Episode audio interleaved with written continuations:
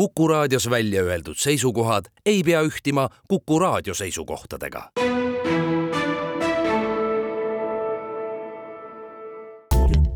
tähendused, teejuhid. tere pärastlõunat, oleme siis eetris Tähenduse teejuhtide kahesaja kahekümnenda vestlusringiga ja sedapuhku on meil siis salvestus Tartus ja, ja, ja hea meel taas siis tutvustada kahte saatekülalist, tere tulemast, Siim Lill. tere, tere.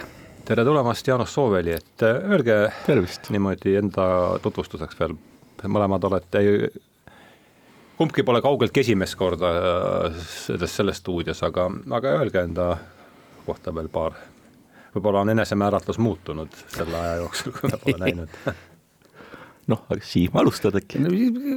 ma olen ikka kultuurisõber, miks ma siin nii palju olen olnud juba siin saadetes, ma ei teagi. sellest nagu on huvitav rääkida, see on väga lihtne põhjus et ju, ju siis sa ei ole minust veel tüdinud oi, ja oi. no mina tulen siia lihtsalt selleks, et ennast harida alati, mul on väga tore alati nende vestluskaaslastega olla, aga kultuurisõber ja noh, õpetaja ka ametilt ja igast asju võib juurde panna. Luuletaja näiteks võib ka öelda, ütleme. Miloši sõber. Miloši sõber, ütleme, no ki- kindlasti veel saab asju juurde pookida, kui vaja. jah, et äh, mina olen siis ameti poolest mõtteloo teadur Tartu Ülikoolis ja filosoofia teaduskonnas. filosoofia teaduskonnas ja Nietzschega mõnda aega tegelenud ja ja, ja õpetan ka muidugi mõningaid asju ülikoolis. aga, aga sellega võib-olla praegu piirdukski. No Nietzsche nimi käis läbi ja, ja Nietzsche on meid taas kokku toonud jälle mitte esimest korda, me oleme tast rääkinud. Mihkel ja sina oli, rääkisime tragöödia sünnist, eks mm -hmm. see ei olnud päris selle pealkirjaga. siis Petersonist rääkisime. jah, Peter Jo- Jordan, Friedrich ja Moirad. ja, ja üks oli veel. süvapsühholoogia ristiisa. jah, aga enne kui ma tänase nurga siin, nurga juurde tulen, rääkige palun veel, võib-olla, võib-olla sellest on juba juttu tulnud, aga et kuidas teie üldse esimene kokkupuude Nietzsche, kuidas huvi tema vastu tekkis ja, ja mis, kuidas see tee tema juurde? Äh, mina tutvusin temaga juba keskkoolis tegelikult, et äh, ja osaliselt äh, Dostojevski kaudu. Ühesõnaga, ma lugesin Dostojevski romaane tollal üsna intensiivselt. Ja siis kas mingis järelsõnas või mingisuguses sekundaarallikas siis äh, toodi ka Nietzsche nimi sisse. ja siis ta nagu tundus hästi selline huvitav ja, ja selline tormiline mõtleja. Ja siis ma nagu hakkasin vaatama, et kes ta siis selline on. Ja siis sattus mulle pihku äh, Jaan Unduski Eke Homo tõlge Ege Ja- oli esimene raamat, mis sa lugesid, jah? just, see oli esimene raamat, mis on hästi kummaline, sest see tegelikult on ju Nietzsche üks viimasemaid raamatuid ja ja, ja, ja mingis mõttes nagu noh, sageli hea maitse vastane mõnele äh, mulle sobis ja siis ka see Unduski järelsõna seal taga on muidugi selline traktaadi mõõtu, et see on peaaegu, see on üle saja lehekülje vist isegi. ja, ja see oli ka nagu mingis mõttes selline valgustav mm. -hmm. aga ma läksin äh, kummalisel kombel ikkagi ülikooli teoloogiat õppima ja noh, teatavasti Nietzsche nagu religiooni suhtes on, eriti kristluse suhtes on võrdlemisi kriitiline äh,, aga, aga ma lõpetasin ja ma lõpetasin teoloogia usu- usuteaduskonna ära, mu juhendaja oli Marju Lepajõe ja lõputöö teema oli Nietzsche ja vastutus. Nietzsche ja, ja, ja, ja, ja selles mõttes noh, Marjuga oli, oli väga hea seda koostööd teha see on siis äh, magistritöö see on äh, bakalaureusetöö veel, Bakalaureuse. jah, et juba bakalaureusetöö usuteaduskonnas oli, oli tegelikult Nietzsche'st. Äh, ja siis nii ma olen, nii ma olen temaga ka edaspidi tegelenud, et magistritöö oli, oli noh, seal oli ka Nietzsche sees, aga, aga see natuke äh, keskendus juba võib-olla rohkem ka prantsuse filosoofiale. ka doktorantuuri ajal oli Nietzsche alati, alati oluline ja, ja, ja, ja nii ma olen jah, nii see on, nii see on, oluliseks ta on jäänudki, et nii et siis äh, lühidalt kokku võttes esmatutvus Dostojevski kaudu mm. Mhm. -hmm.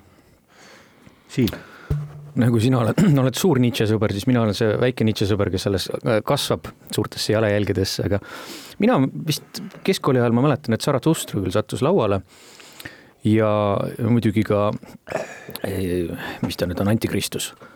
see sattus mulle lauale puhtalt pealkirja pärast, kuna mind keskkooli ajal paelusid sellised äh, antikristlikud ideed, nagu ikka millegi vastu tuleb mässata ja, ja mulle meeldis väga black metalit kuulata ja sealt siuksed nitšiaanlikud mõjud tulevad sisse, aga, aga see süvenemine ei olnud nagu väga, väga suur.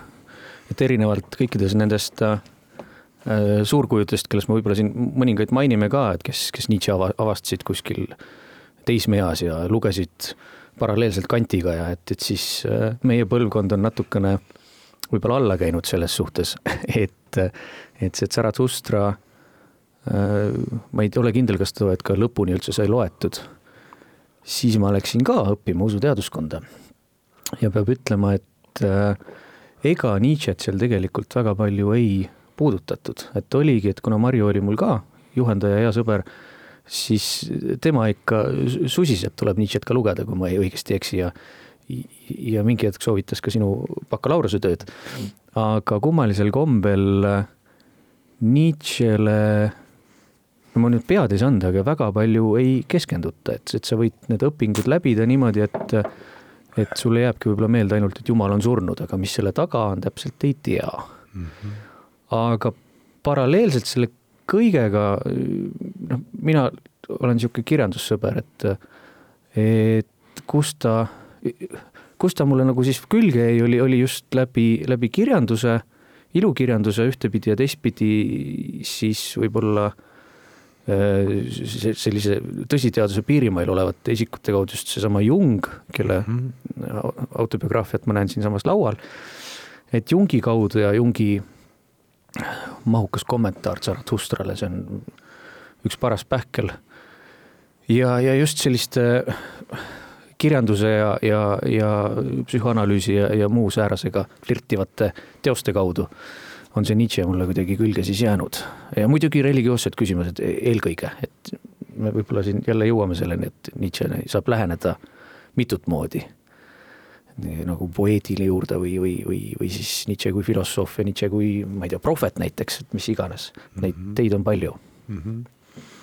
no ma siis lühidalt enda, tutvustan enda nurka ka, et sest esimesest tähenduse teejuhtide vestlusringist hakkab saama kuus aastat, äh, kui me siis olime siin, mitte küll samas stuudios, aga siin kõrvastuudios äh, Piret Kuuse ja, ja, ja Mihhail Lotmaniga ja ja ega ei olnud teist ideed, kui rääkida see Charles Peirce Snow äh, raamatust Kaks kultuuri, et see tundus olevat niisugune võtmeküsimus, et reaal, reaal- ja humanitaarteaduste kokkusobimatus. Ja sealt see tee algas, sellele nüüd järgnenud EBS-is kursused, olulised raamatud ja ja looduse tagasitulek, üks on siis raamatutele, mis tunduvad huvi, olulised olevat ja, ja teine sellisele ütleme, kontrakultuuri eeskõnelejatele pühendatud sari, see, mis siis ähm, hakkas kahe tuhande kahekümne esimesel aastal vist, jah.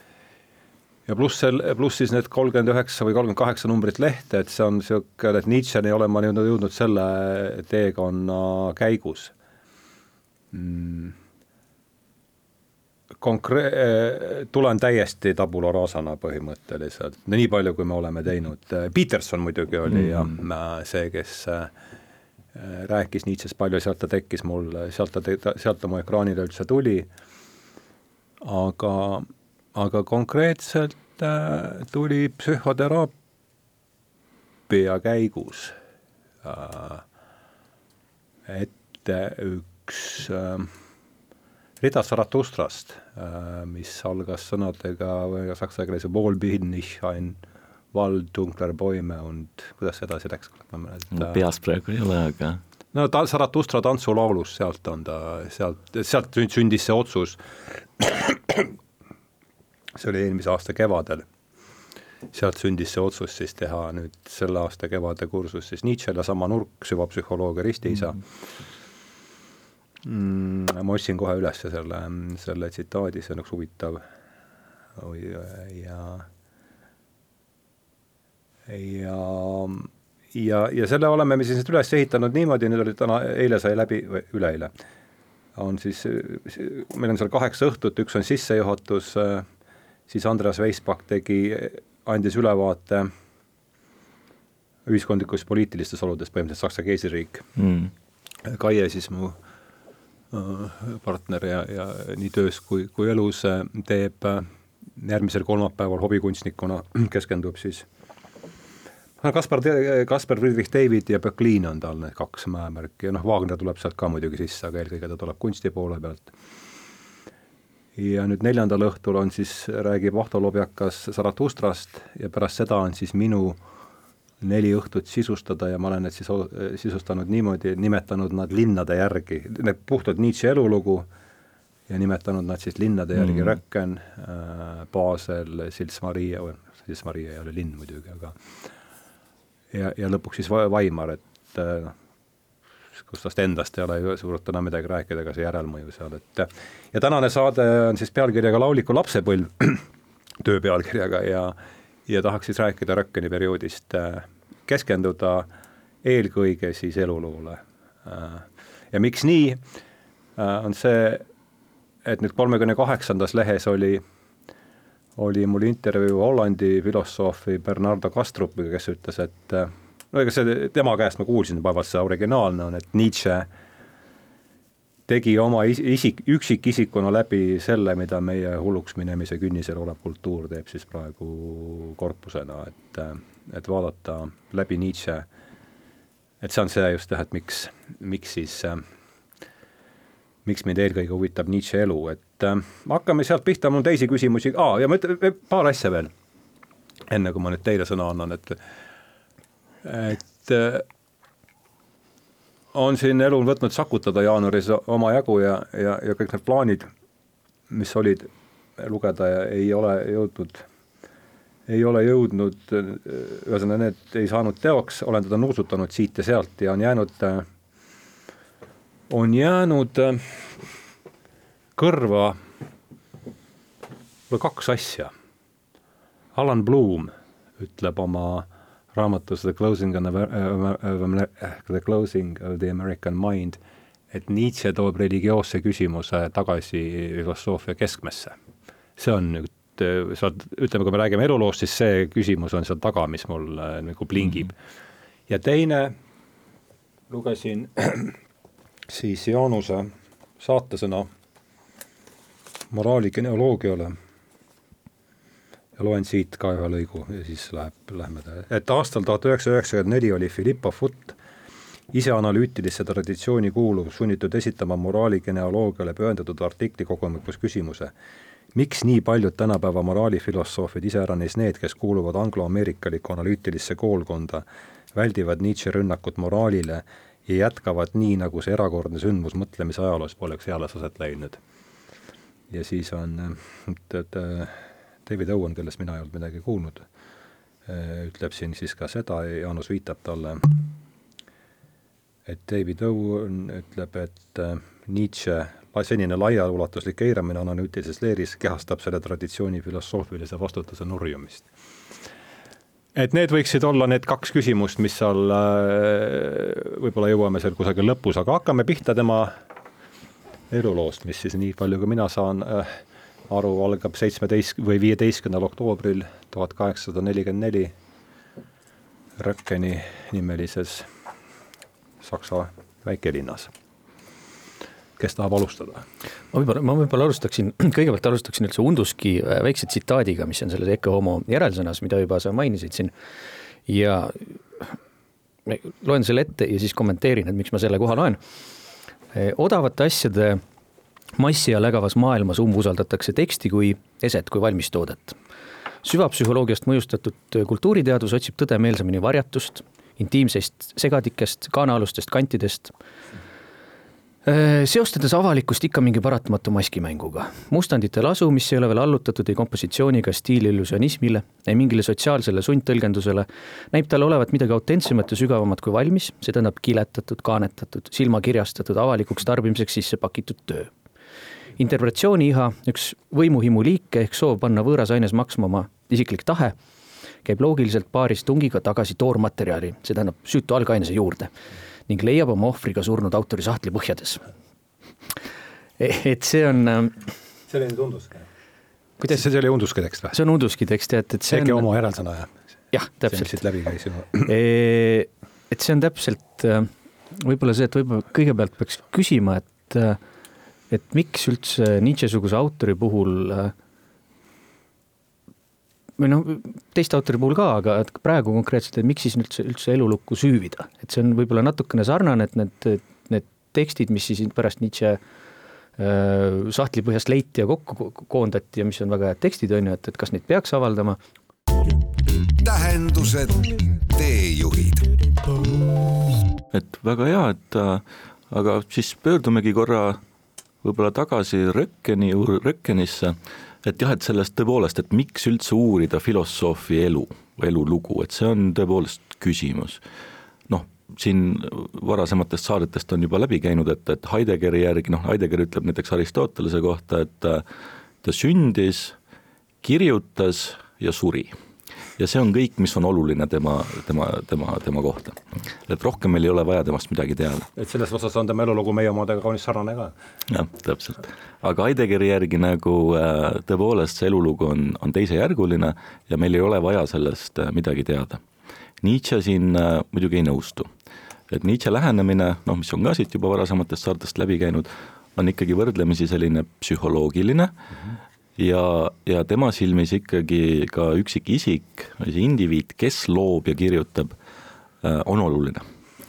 et looming tema silmis ei ole kunagi äh, impersonaalne -hmm. või mitte isanati isiklik, see on väga isiklik äh,. ja ta noh, väidabki nagu kogu metafüüsika kohta tegelikult, et, et sageli need suured metafüüsilised filosoofid nagu Leibniz või Spinoza või, või noh, ka Kant mingis mõttes et sageli nende filosoofia on tegelikult mingisuguste isiklike eelarvamuste süstemaatiline kaitsmine ühesõnaga, et neil on mingi isiklik motivatsioon ja. ja siis nad rüütavad selle sellisesse süstemaatilisse, loogilisse süsteemi ja näitavad, et see tegelikult on neutraalne objektiivne tõde, aga, aga, aga õigupoolest nad kaitsevad mingisugust isiklikku äh, eelarvamust et äh, ja, ja, ja kui see nii on, siis elulugu loomulikult on oluline ja, ja seda tuleb, seda tuleb vaadata.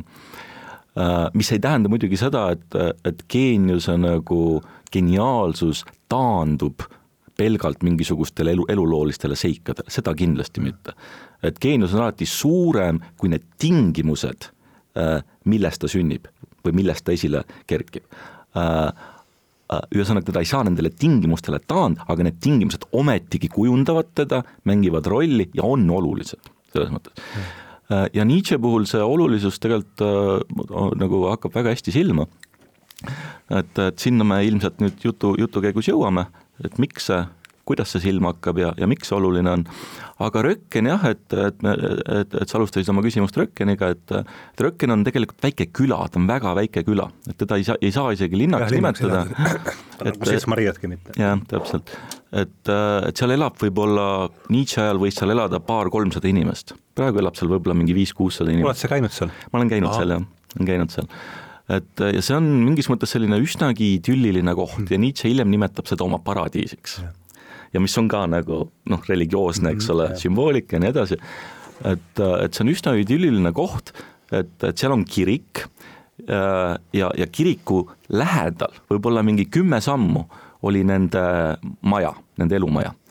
Äh, kahekorruseline, võrdlemisi suur maja, nii, maja ees on aed, nii, ühesõnaga Nietzsche kui ta hommikul näiteks üles tõusis, astus uksest välja, oli sellises idüllilises aias, kohe kõrval on selline kirik, kusjuures selle kiriku, see on väga vana kirik, et, et selle äh,, selle esimesed äh, äh, ma ei tea, konstruktsioonid pandi paika juba vist üheteistkümnendal sajandil, ühesõnaga, või kaheksateistkümnendal, üheteistkümnendal või ka, ühesõnaga väga vana kirik, eks ole, et see oli väga idülliline koht jah, tõepoolest, et ja seal on ka siis Rökkenis on siis ka Nietzsche on Nietzsche haud, eks ole, Nietzsche on sinna maetud kiriku seina äärde, aga seal on ka skulptuur, väga huvitav skulptuur äh, selle kiriku kõrval kohe ja see omal ajal tekitas see mõningaid äh, noh, küsimusi inimestes, noh kiriku kõrval, ühesõnaga skulptuur on selline, kus on nagu kolm Nietzsche't, kaks Nietzsche't on alasti.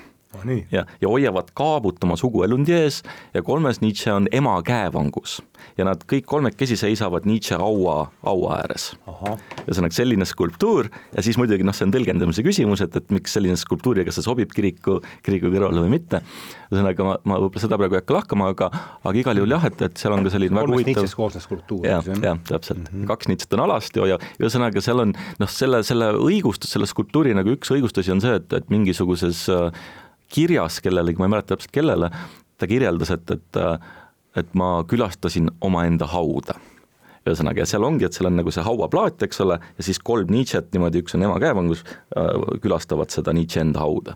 ühesõnaga, et, et noh, see on nagu mingis mõttes väike õigustus sellele skulptuurile. Äh,, seda saab tõlgendada väga mitmeti, et, et, et ma ei ole ka nagu selles mõttes noh, mingit kindlat seisukohta välja kujundanud, mida see täpselt tähendab, aga, aga noh, loomulikult seda saab tõlgendada, igal juhul see on väga huvitav, et sinna nagu tasub minna äh, ja, ja, ja Nietzsche päris haud on ka seal kohe sealsamas lähedal aga ta on seal siis jah? ta on seal jah, jah. Äh, õe ja, ja ema ja, ja isa kõrval. no aga lähme siis äh, kohe elulukku sisse, et ja.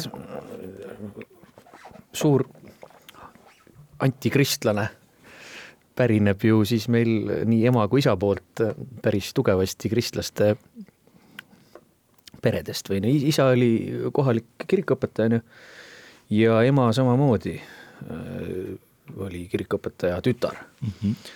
et kui nad sinna kolisid, äh, siis ideaalis ju võiks tõesti olla paradiis ja idüll, aga nüüd, kui lugeda neid elulugusid, siis vähemalt esialgu, enne kui Nietzsche polnud sündinud, siis vähemalt ta emale see küll päris paradiis ei olnud, sellepärast et maja valitses, äh, kes ta siis nüüd on, ämm. ja, ja ämm oli selline kindlameelne naisterahvas, kes ei talunud helisid väga palju. ja lisaks sellele oli vist seal veel kaks, äh, kaks õde, isapoolset õde, kes kirjelduste järgi olid äh, väga neurootilised, neil oli ravimikarp alati käepärast ja ja siis lugesin veel ühte kirjeldust, et kui tuli noor perenaine majja, siis nad keelasid tal igasugused majapidamistööd ja, ja kokanduse ja muud asjad ja paistab, et vähemalt tema elu esialgu väga õnnelik ei olnud. aga siis sünnib Nietzsche, pärast Nietzsche't sünnib kohe ta õde. kas see Nietzsche on esimene laps siis? Nietzsche on esimene. või see Viril muidugi. õde, kes, keda Nietzsche hiljem eelit-, hellitavalt laamaks kutsub. Elizabeth siis mm. -hmm. jah, Elizabeth ja siis äh, lõpuks äh, vend Joosef vist oli ta nimi yeah jah, ja, ja, ja, ja teine asi, mis seda paradiislikku õnne äh, rikub, on see, et vist võib-olla siis see tähtsündmus, mille juurde me arvame, tuleme veel ja veel tagasi, on see, et, et see kirikuõpetajast isa, kes, äh, kes juttude järgi oli, tal olid ka, käisid vist mingid hood peal ja et ühesõnaga teeb haigeks, kohalik to, tolleaegse diagnostika järgi on tal siis ajude pehmenemine mm. -hmm. ja jääb lausa voodihaigeks, siis kui Nietzsche on nelja-aastane, ta sureb.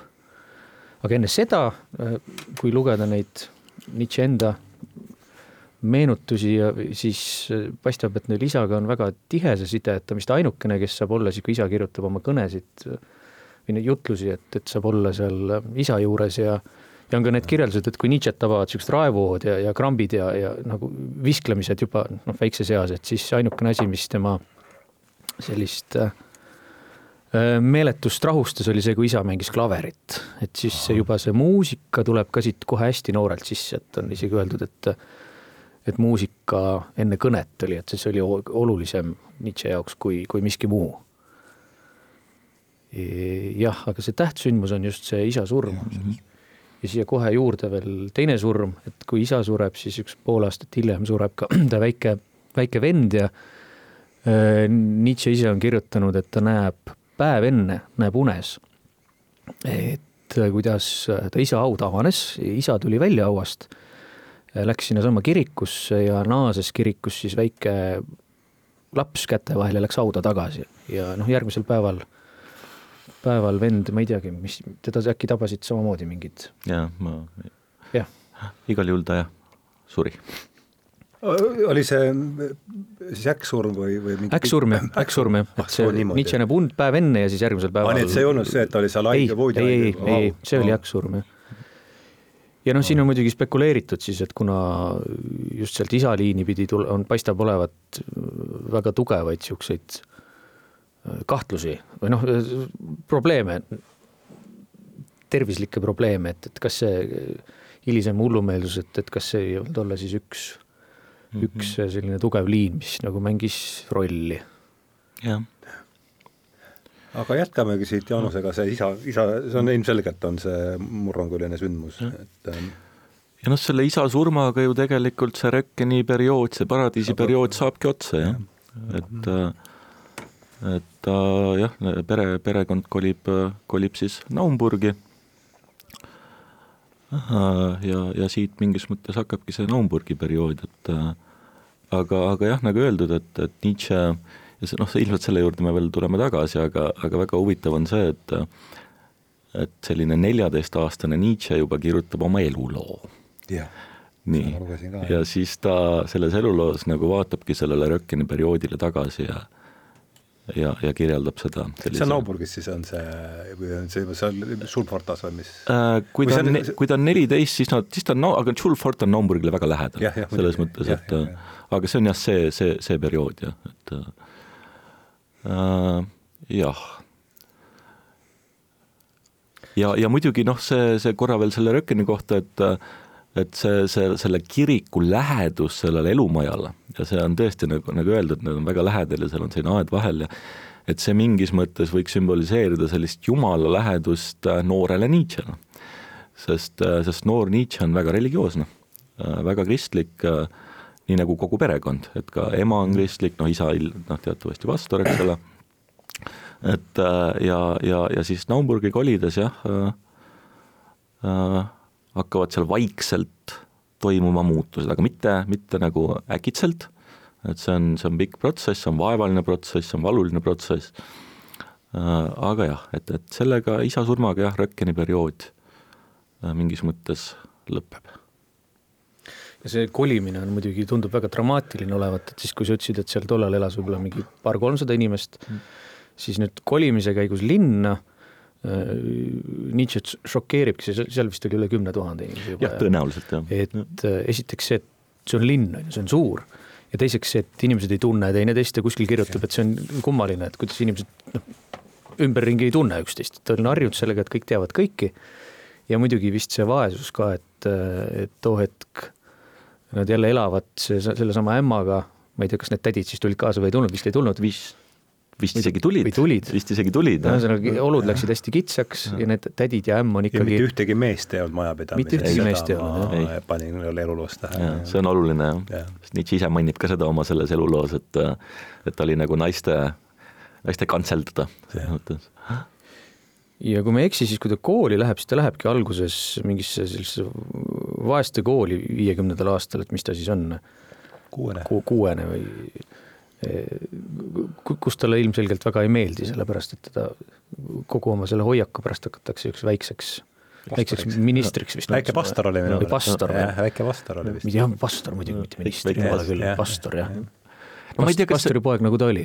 just ma ei tea, kas see oli Vaeste kool, aga see oli jah, Toom gümnaasium, mingi Toome, Toome kool. ma lihtsalt kuskil lugesin, et ämm põhjendas seda, et hea oleks, kui ka äh, paremast äh, eluoludest äh, inimesed õpingute alguses näeksid vaesemaid eluolusid, aga -hmm. aga e, noh, tõenäoliselt oli põhjuseks ikkagi see, et nad lihtsalt olidki vaesed mm.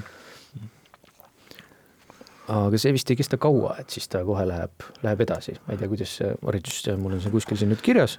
jah, ta saab äh, riiklikku stipendiumi äh,, et minna õppima Schulfortasse ja Schulforta oli nagu pikkade traditsioonidega eliitkool.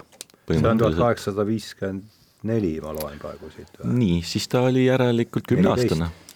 aa, just, kümme, kümme, kümme, kümme, kümme aastat. ja seda vist suuresti ka tänu sellele, et no isa, isa positsiooni täpselt, täpselt. Et, et isa oli jah, täpselt pastor ja, ja siis tänu ja see on see oluline, et ta on internaatkool ka, et kodus, koduga on täpselt. äh,, täpselt nii. Äh, ja Schulfortas siis ta jah, hakkabki selles mõttes juba ilmselt isegi enne Schulfortat ta kirjutas luuletusi. Mm, -hmm. ta kirjutas noote, nii äh,, tegi, tegi suurel hulgal igasuguseid märkmeid, tähelepanekuid. Äh,, ühesõnaga noh, ilmutas sellist äh, uudishimu ja, ja, ja annet juba väga varakult äh, ja, ja nagu öeldud, et siis kui ta noh, neljateistaastasena, kui ta kirjutab selle oma esimese eluloo, siis ta vaatab nagu, ta alustab seda nagu vana mees, ühesõnaga, et et ma olen nüüd juba neljateistaastane, et paljudki ma ei mäleta, mis on elus olnud. Et olnud on nii palju, paljudki ma ei mäleta, et ühesõnaga, see on üsna nagu kummaline ja, ja, ja, ja, ja märkimisväärne. Ja, ja nüüd äh, neljateist, neljateistkümnenda eluaasta ja kahekümnenda eluaasta vahel äh, kirjutab ta umbes üheksa sellist väikest autobiograafiat. tähendused, teejuhid aga võib-olla kuulajat huvitab, et, et kust me kõik selle informatsiooni võtame mm -hmm.. ühesõnaga, et mis need allikad Nietzsche eluloo kohta üldse on. et ja siin on ja, ja sellega seoses on ka üks väga huvitav lugu. et, et, et on üks selline, ta oli muusik algselt, äh, Karl, Kurt Karl Jans, kes kirjutas kolmeköitelise biograafia Nietzsche'st ja tegelikult ta oli muusik, nii ta algselt oli, oli, oli huvitus Wagnerist, nii ja Wagneri kaudu siis ta avastas Nietzsche ja, ja pühendas, pühendaski oma elu nagu Nietzsche eluloo uurimisele. mis ta oli, Jans või? Jan-, äh, Kurt ja, äh, Paul Jans, Jans jah, on perekonnanimi, Z-iga on lõpus. Äh, ja see on nagu põhiallikas, kust kõik teised on, võtavad enamasti oma andmed, kaasa arvatud Safranski ja, ja, ja mm, -hmm. ja nii edasi. ja see Kurt Paul Jans tõesti, ta on, ta on väga huvitav, ta on ka, kuna ta on muusik, ta on ka Nietzsche ta oli väga huvitatud ka Nietzsche heliloomingust ja ta on Nietzsche heliloomingut äh, esitanud või korraldanud selle esitusi äh, äh, ja, ja selles mõttes ja tõesti, ta kirjutas nagu kolme, kolmeköitelise suure sellise mis aasta see või oli siin? ei, kas esimene köide võis ilmuda seitsekümmend kuus äkki või midagi sellist? et Aha. seda võib, seda tuhat üheksasada seitsekümmend kuus. et, et, et, et seda vist oli tuhat üheksasada seitsekümmend kuus esimene köide ja, ja mm -hmm. ja, ja kõik hilisemad elulood nagu toetuvad väga suures osas nagu sellele samale. Ja see on vist eraldi teema üldse, et see Nietzsche retseptsioon, et kuidas millisena teda kujutatakse ja kuidas tekib see niisugune suur müüt, et kui meil on siin eesti keeles ilmunud Stefan Zweigi niisugune kolmeosaline ma ei tea, mis, mis ta isegi on, biograafilise žanri meister Stefan mm -hmm. Zweig on ju kolmeosaline teos, Hölderlin, Kleist ja Nietzsche. Et, et siis siin on noh, Zweig oli omal ajal kõige müüdum ilukirjanduslik autor, tohutult müüdi neid raamatuid enne siis, kui Hitler tuli võimule ja, ja kõik need raamatud põlema pandi Saksamaal. E, et siin on juba see müüt nagu täies, täies hoos, et niisugune tohutult piinatud geenius, et ta tegelikult elulooga ei tegelegi minu meelest siin Zweig, et kui ta veel ma ei tea, Mesmerist või Freudist kirjutab, siis on niisugune elulooline, aga Nietzsche puhul see lihtsalt on juba selline. puhas paatoslik selline uhkamine. tal on üldse paatos. aga no see on veel eriti Nietzsche nagu tohutu ja ta vastandab teda niisuguse Goethe või niisuguse puhta ratsionaalsusega, et et siis mulle tundub, et Zweigi, Zweigi juures on nagu see kulminatsioon, kus ta on nagu noh, Nietzsche see müüt on nagu paiskub massidesse totaalselt aga noh, ta kirjutab hästi, eks ole. ta kirjutab ole. hästi, jah. aga et kui elulugu nüüd vaadata, et ega noh, jällegi, et kuidas see kujuneb, et, et seal on see, et ei ole ainult need haigushetked, ei ole ainult sellist pessimismi, et noh, ja ei ole ainult ka see, et ta on tohutu geenius, näiteks matemaatikast ei saa üldse hakkama. ja ma tahtsin öelda, et matemaatika et, et tänu no, teiste keskpärane, matemaatikas oli keskpärane. selles mõttes mitte, et ta üldse hakkama ei saanud, ta see, noh, selles uh, Schulforte lõputunnistusel vist matemaatika oli kolm teda ei tahetud ikkagi edasi lasta, ma saan aru, sellepärast et tal oli mingi asi jäi tegemata. mingis klassis või? jah, lõpu okay., lõpupoole kuskil. aa, et seda ma kui ta ülikooli läks, et ma just eile lugesin veel üle, et teised, teised mis ja kustkohast? mingist elult, mul oli neid hästi palju ees, ma leian selle sulle pärast okay,. Okay. et kuna ta kirjutas oma selle, mis iganes, et kus see tööd kutsuti, et ülikooli minna, on ju. ah, lõputöö. lõputöö oli tal väga hea siis teised õpetajad veensid nagu matemaatikaõpetajad, ma saan mm. aru, et ikkagi noh, võiks sellega mm,, okay. võiks siis kolme panna mm., ma eeldan mm. -hmm. tuttav tunne mul kooliõpetajana räägime äh, koolisõpradest ja lapsepõlvesõpradest, mis me, mida me sealt teame äh,? Jules Fortas on üks ta parimaid sõpru, Gerstorf. ma, ma, kas ma ta nime, eesnime, mis ta võis olla äh,? ta oli äh, kammerhärra Aadri... Karl von. Karl von. sama Kerstor. vana kui Nietzsche ja, ja, ja, ja äh, ja, ja, ja, ja ta jääb nagu Nietzsche sõbraks nagu väga pikaks ajaks ja, ja, ja neil on pikk kirjavahetus ja ka, ja ka Gerstorff oli suur Schopen, hiljem suur Schopenhaueri huviline. ühesõnaga, neil olid ühised huvid ja, ja, ja sageli jah, Nietzsche saadab talle kirju ka hilisemas elus. ühel hetkel vist neil tekkis ka väike konflikt, aga, aga kui ma ei eksi, siis see lahenes uh,. Siis on veel üks sõber, aga ma ei, täpselt ei mäleta, kas see oli Schulforta ajast, on Toissen. jah, Paul Toissen jah, ma loen. Uh, mis ajast, kas seal on kirjas? ta ikkagi ka Schulforta. Schulforta ajast, jah. ja Toissen selles mõttes oli indoloog, ühesõnaga Aasia kultuuri uurija ja tuntud indoloog. ja, ja, ja Toisseni kaudu Nietzsche natuke tutvus ka noh, hinduismiga ja mm, -hmm. ja selliste äh, India usunditega Äh, ja noh, tal oli selle vastu võrdlemisi suur mõlemad huvi. on sama, Toiss on aasta noorem, aga põhimõtteliselt nad kõik ühe aasta poisid. ja Toissen samamoodi jällegi oli suur, oli väga huvitatud Schopenhauerist ja ühesõnaga nad mm -hmm. nagu jagasid seda Schopenhaueri ja ka osaliselt Wagneri, Wagneri mm -hmm. huvi kas sa tead, millal see Schopenhauer Nietzsche lugemislauale tuleb? jah, et see oli, kui ta oli kakskümmend üks. kakskümmend üks alles? kui ta oli kakskümmend üks alles. ta leidis selle juh-, juhuslikult antikvariaadist ja see on samasugune nagu Toomas Buddenbrook leiab äh, ka täiesti juhuslikult minu meelest Schopenhaueri täpselt, eks ole, jah? jah, täpselt, täpselt. ja kusjuures Nietzsche leiab juhuslikult antikvariaadist ka Dostojevski. ühe, ühe Dostojevski, noh, see... ülestähendusi põrandalt.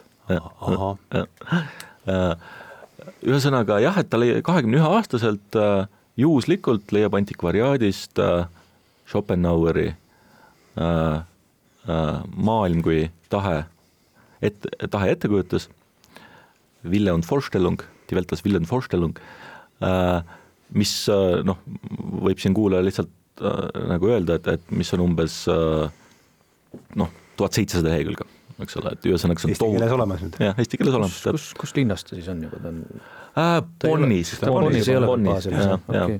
ei, Baselis, peale Bonni ta läheb veel Leipzigisse. jah, jah, Leipzigis. ja, ja, ja, ja siis, ja siis Baselis.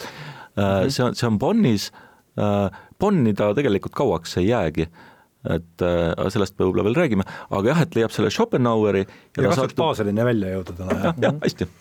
sellise tempoga mina veel tund aega. oi, ilusti jõuame, et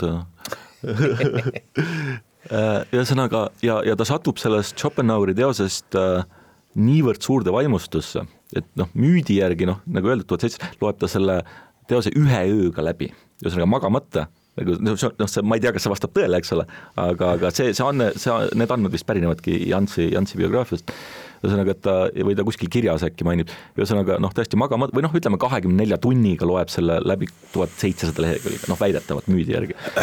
nii. no ta sai kõvasti trenni ka muidugi seal kloostrikoolis. no loomulikult jah, et tal see töövõime pidi olema töövõime nagu, olema nagu päris suur ja see muidugi oli tõesti nagu sündmus tema elus ja, ja see sündmus nagu jääb kestma ja saatma teda noh, vähemasti järgnevaks ütleme viieks-kuueks, seitsmeks aastaks ja ta nagu seedib seda, seda sündmust ta nagu seedib läbi, eks ole, ja lõpuks ta muidugi jõuab siis sellise Schopenhaueri kriitikana, kriit-, äh, kriitikuni äh, või kriitik-, äh, kriitikani ja väga noh, sellise intensiivse kriitikani, aga, aga jah, et, et see on nagu erakordne sündmus tema, tema elus. kas see Schopenhauer kui kasvataja, see jääb samasse perioodi siis või on see juba tagasivaade? See on natuke hilisem ikkagi, aga ka mitte väga palju hilisem, ühesõnaga see on äh, see on kirjutatud pärast äh, tragöödia sündi. jah, ühesõnaga, aga ikkagi nagu kuulub Nietzsche varasesse, varasesse loomingusse, ühesõnaga. aga see on kirjutatud jah, pärast tragöödia sündi. nüüd ülikoolipäevil oli üks selline juhtum veel, kui korra Schopenhauer, noh, see lihtsalt mul tuleb praegu meelde, siis ma räägin selle ruttu ära, muidu läheb jälle meelest ära. ühesõnaga äh, ta ühel päeval otsustas, et, et külastab Kölni. ühesõnaga sõitis, sõitis Kölni, noh, tutvus seal vaatam-, lasi endal pakikandjal vaatamisväärsusi näidata ja, ja lõpuks palus pakikandjal ennast restorani juhatada. Äh, aga see juhatab ta noh, lõbumajja, viib ta lõbumajja ja, ja Nietzsche on nagu noh, kahekümne aastane vist umbes, sam-, noh, umbes sama, sama periood, kui ta Schopenhaueriga tutvub. Äh, ja Nietzsche on siis nagu seal nagu hämmeldunult seisab seal noh, nende poolalasti piigade, piigade seltsis ja, ja ei oska midagi peale hakata, esimene asi, mis ta teeb, ta näeb nurgas klaverit. Läheb kohe klaveri juurde, istub maha ja hakkab, lööb mõned akordid. nii, ja, ja siis ta kirjas, kirjas hiljem Toissonile, sellele samale sõbrale Toissonile kirjutab, et et, et kui ma olin need mõned akordid löönud, siis ma tundsin, kuidas rahu valgub minu, minu üle ja ma olin jälle vaba. seesama, mis ta ütles, et ainus, mis teda nendest lap-, krampidest välja tõmbas, oli see isa, isa ja. mängitud klaver. see on ju see kurikuulus, no see on seesama see Bonni aasta, on ju, kui ta ütleks no kui me oleme juba Bonnis, on ega no, me lihtsalt ei, loomulikult. gümnaasiumi lõpetas ära, üks, üks asi veel, mis gümnaasiumist, et minu jaoks oli huvitav see, et kuidas seal neid haigusjuhtumeid raviti, oli see, et ta pandi pimedasse tuppa, talle pandi kaane. kaane pandi, et see ei tundu väga meeldiv, et neid haigusjuhtumeid oli ikka päris palju, need võisid kesta. kus see tehti, kus see tehti?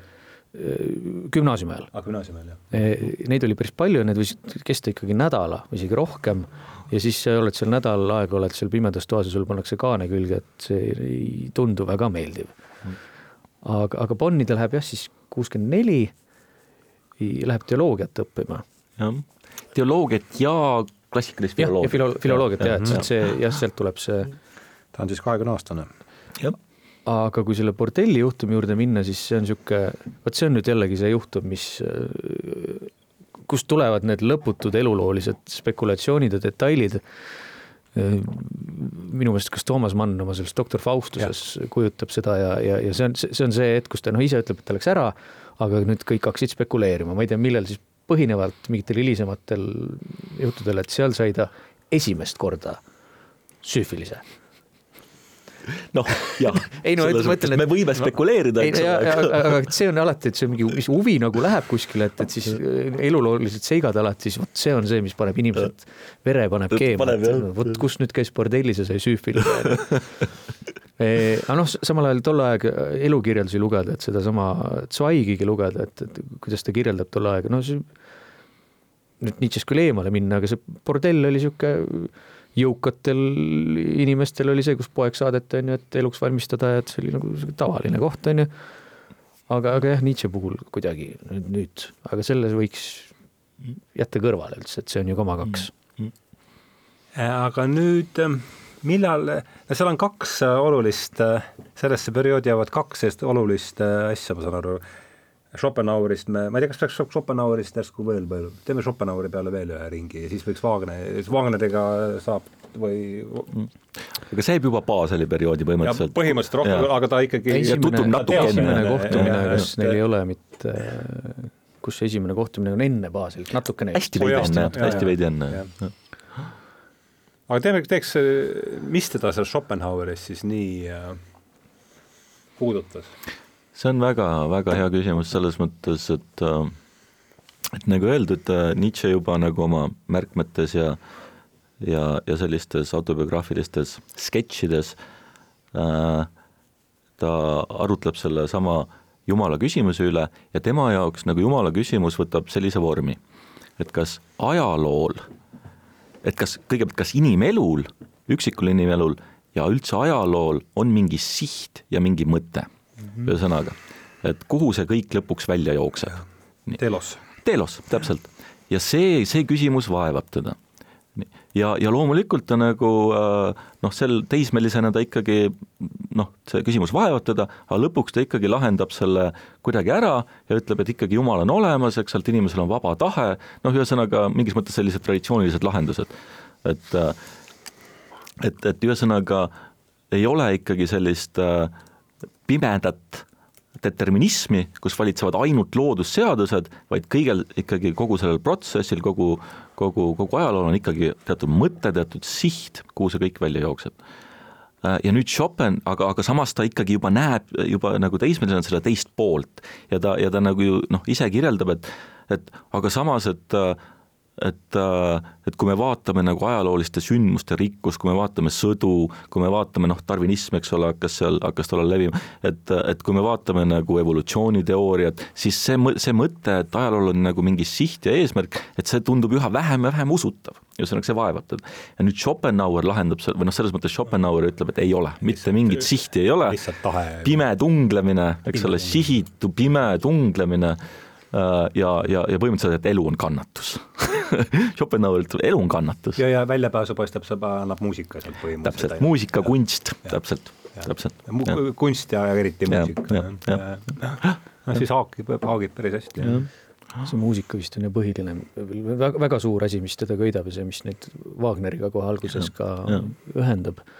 aga muidugi just jah, see pime tung, et see, mis nagu Jung kirjeldab oma autobiograafias, et, et ta loeb, loeb raamatuid ja ta näeb enda ümber, on ju seda, et on see irratsionaalne ja selline tumedus olemas, aga keegi ei kirjuta sellest ja siis, kui ta leiab selle Schopenhaueri järsku, siis see on nagu ilmutus täielik. et on võimalik ka nii mõelda ja sa räägid nüüd Jungist? see on Jungi enda jaoks või? jah, ma räägin ah, Jungist jah, Jungist. et ka tema jaoks oli Schopenhaueri avastamine selline suur kogemus? jah, jah, absoluutselt, et, et mul on tunne, et Nietzsche puhul võib-olla samamoodi veidi. jah. Mhm. Mhm. Ja see muidugi siis noh, Nietzsche nagu saab väga hästi aru, et et see muudabki nagu või selline Schopenhauerlik äh, maailmakäsitlus muudabki tõepoolest äh, elu kannatuseks. Tähendused, teejuhid